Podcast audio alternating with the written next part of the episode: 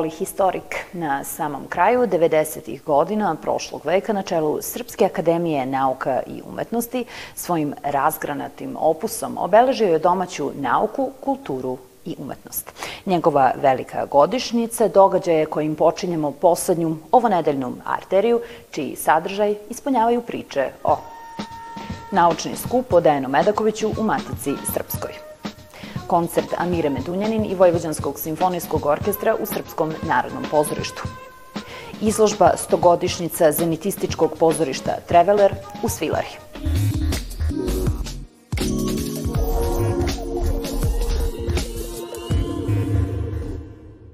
Istaknuti istoričar umetnosti, univerzitetski profesor, pesnik i pisac, akademik Dejan Medaković rođen je pre 100 godina. Veliki jubilej obeležen je u Matici Srpskoj naučnim skupom, a pozdravne reči na otvaranju uputili su predsednik Matice Dragan Stanić i profesor doktor Vladimir Simić, gosti Arterije. Dobrodošli. Bolje vas našao. Akademik Dejan Medaković bio i član predsedništva Matice Srpske. Koje su i kolike njegove zasluge za matičan razvoj u tom periodu?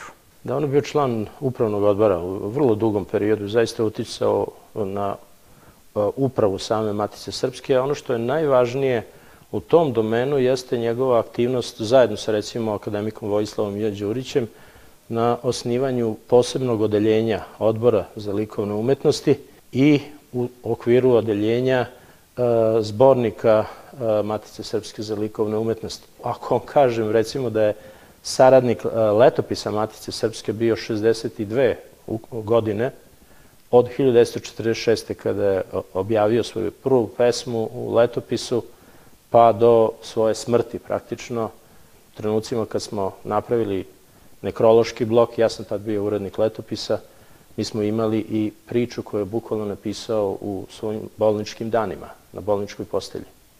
Tako da je zaista to, između ostalog, jedno, jedno dirljivo svedočanstvo o njegovoj vezanosti i ugrađenosti u ceo matični sistem. Dejana Medakovića krasila je ogromna erudicija, duhovna snaga i spisateljski dar. Kako biste kao pisac ocenili njegov književni doprinos? On je pisao poeziju od mladosti pa sve do svojih poznih poslednjih dana.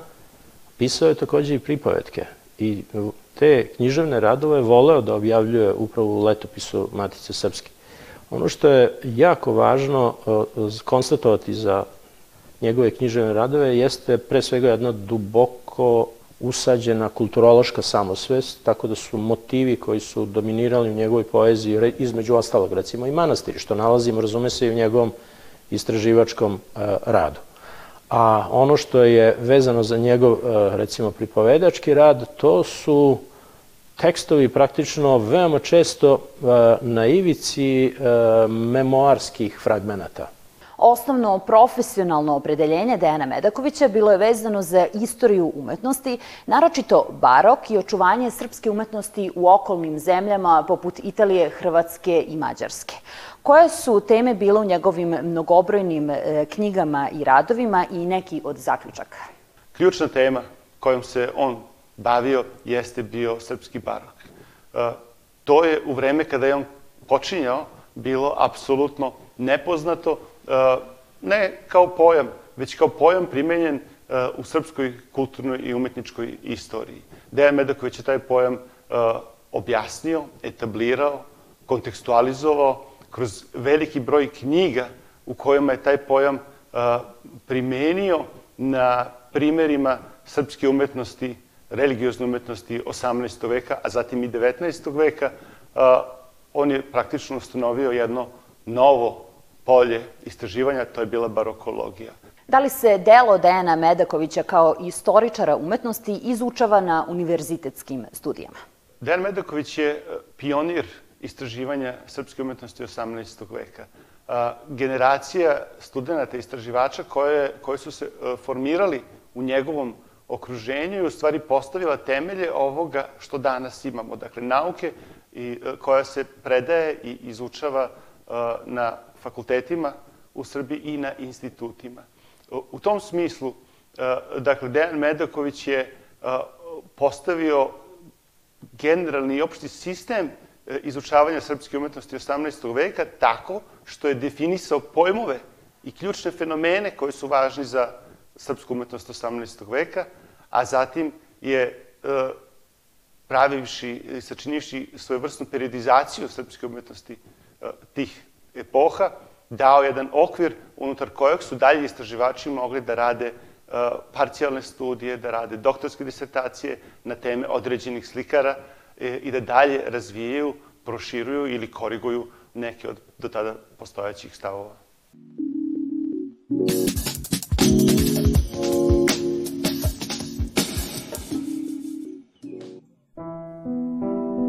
Dijalog književnih dela udaljenih prostora i kultura može biti živ i bez kraja, ukazuje treći zbornik radova pod nazivom Žanrovska ukrštanje srpske i anglofone književnosti, prevodna recepcija i književno-istorijska interpretacija, objavljen u suizdavaštvu Odeljenja za književnost i jezik Matice Srpske i Arhiva Vojvodine. Nastao je kao rezultat istoimenog projekta Matice Srpske koji je počeo 2013. pod rukovodstvom profesora doktora Vladislave Gordić-Petković i akademika profesora doktora Zorana Paunovića, predstavljanje u Matici Srpskoj. Zbornik broj 3 koji donosi radove o tako različitim autorima kao što su uh, Karil Philips, uh, Borislav Pekić, uh, Jasminka Petrović, Šekspir, dakle zbornik koji pokriva u devet radova područje kontakata i ukrštanja srpske književnosti i književnosti pisanih na engleskom jeziku. Radovima su obuhvaćeni periodi srednjeg veka, renesansi i modernog doba, pri čemu je bilo zanimljivo istražiti ne samo književne, nego i prevodilačke, žanrovske korespondencije, preplitanje motiva i postupaka kao i hibridnih formi prvi put se zapravo u Srbiji piše o crnoj britanskoj književnosti, o kojoj piše Tatjana Milosavljević Mijučić u ovom zborniku, kao o e, delima generacije koja pripada u stvari trećoj generaciji doseljenika u Veliku Britaniju. Marija Lojanica piše o posthumanizmu u Pekićevom besnilu. E, Stefan Žarić piše o e, kostimu za ženske likove u pozorišnim produkcijama Šekspirovog Hamleta, otkriva paralele između Hardijeve Tese i romana Sudbine i komentari. Zatim sa druge strane pratimo i um, razvoj uh, književnosti koja pokušava da uh, u domenu fantastike, uh, humora, u domenu različitih vrsta žanrova pronađe moguće uh, kontakte i saglasja.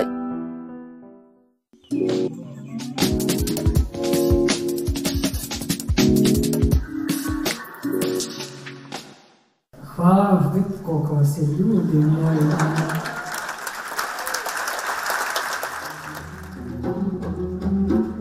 Tradicionalno, baš pred Novu godinu, prepoznatljiva bosanska pevačica Sevdalinki, koju novosadska publika uvek rado dočekuje, a Mira Medunjanin još jednom je zapevala na velikoj sceni Srpskog narodnog pozorišta u okviru božićno-novogodišnjeg koncertnog ciklusa. Nastup u organizaciji muzičke omladine okupio je ljubitelje tradicionalne bosanske muzike, ali i sve one koji dele slične afinitete prema čežnjivim, tugaljivim, pre svega ljubavnim pesmama super sam excited, drago, radili smo par novih aranžmana, svaki put trudimo se nešto novo napraviti, ono, ponuditi ljudima, da, da ne bude sad da se ono ponavljamo sa istim programom. Ovaj, Roman Bugar i cijela ekipa orkestra urade odličan posao. Pjesmu Što te nema, evo to moram odmah, jedinu nju bih ono izdvojila. Definitivno bez nje ne smijemo napustiti pozornicu. Ono. da, to ne otpjevamo da bela je žestoki. Bosanska Billy Holiday već duže vreme sarađuje sa Vojvođanskim simfonijskim orkestrom. Ovoga puta pod dirigenskim vođstvom Mikice Jeftića izvela je stare, dobro poznate tradicionalne numere koje je za potrebe izvođenja sa velikim orkestrom aranžirao novosadski kompozitor Svetozar Nešić. Koncert koji je rasprodat u roku od samo nedelju dana imaće svoju reprizu u utorak na istoj sceni našeg najstarijeg teatra, nakon čega sledi turneja po Srbiji.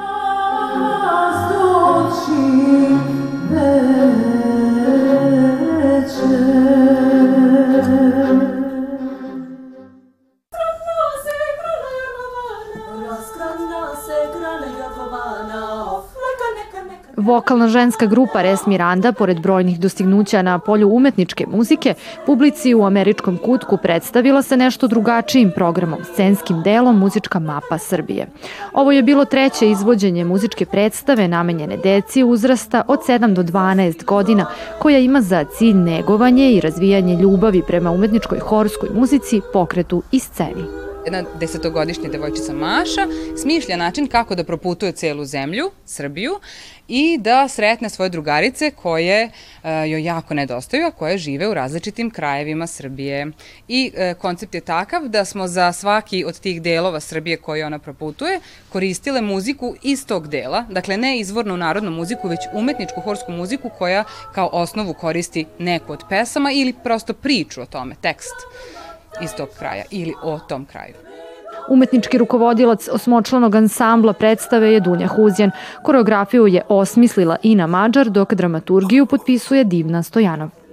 Komponovanje i aranžiranje bilo je povereno Tamari Knežević, Doroteji Vejnović, Savi Ilije Brcanskom i Vuku Milanoviću.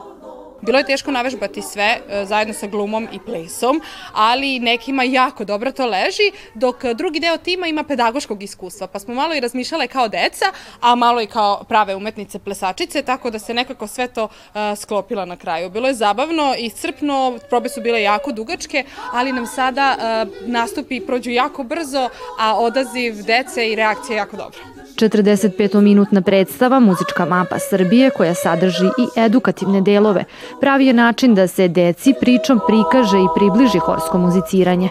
Pevanje je najznačajniji deo predstave koje su vokalne umetnice sa dugogodišnjim iskustvom vešto uklopile sa pokretom na sceni.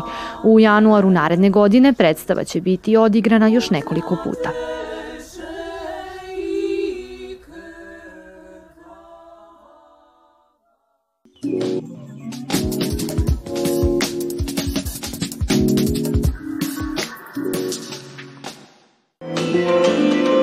Povodom 100 godina od kako je odigrana prva i jedina predstava Oni će doći, zenitističkog pozorišta, a u izvedbi osam mladih članova umetničke avangardne asocijacije Akademski klub Treveler u kulturnoj stanici Svilara u okviru programa Evropske prestonice kulture i u organizaciji udruženja Perilo Zabrežje otvorena izložba koja svedoči o tom jugoslovenskom avangardnom pokretu.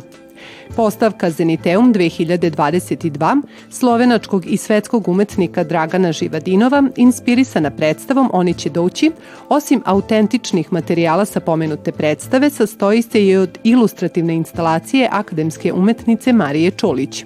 Na izložbi e, se izlaže 13 reprodukcija iz muzeja, e, Narodnog muzeja Srbije, Josipa Sajsla, e, vodećeg umetnika druge faze zenitizma, koji je bio naravno i član, član Trevelera.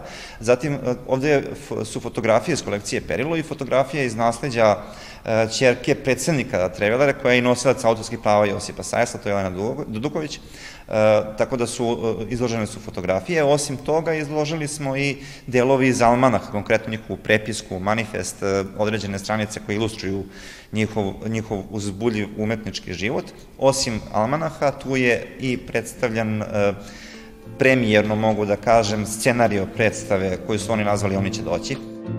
S obzirom na to da podaci o protagonistima avangarde, njihovim aktivnostima i predstavi izvedenoj 16. decembra 1922. godine u realnoj gimnaziji u Zagrebu, a sadašnjem muzeju Mimara, do sad nisu bili poznati javnosti, već su se nalazili pod krovom te ustanove i u kolekciji Narodnog muzeja Srbije koji je partner izložbe, ona se smatra edukativnom.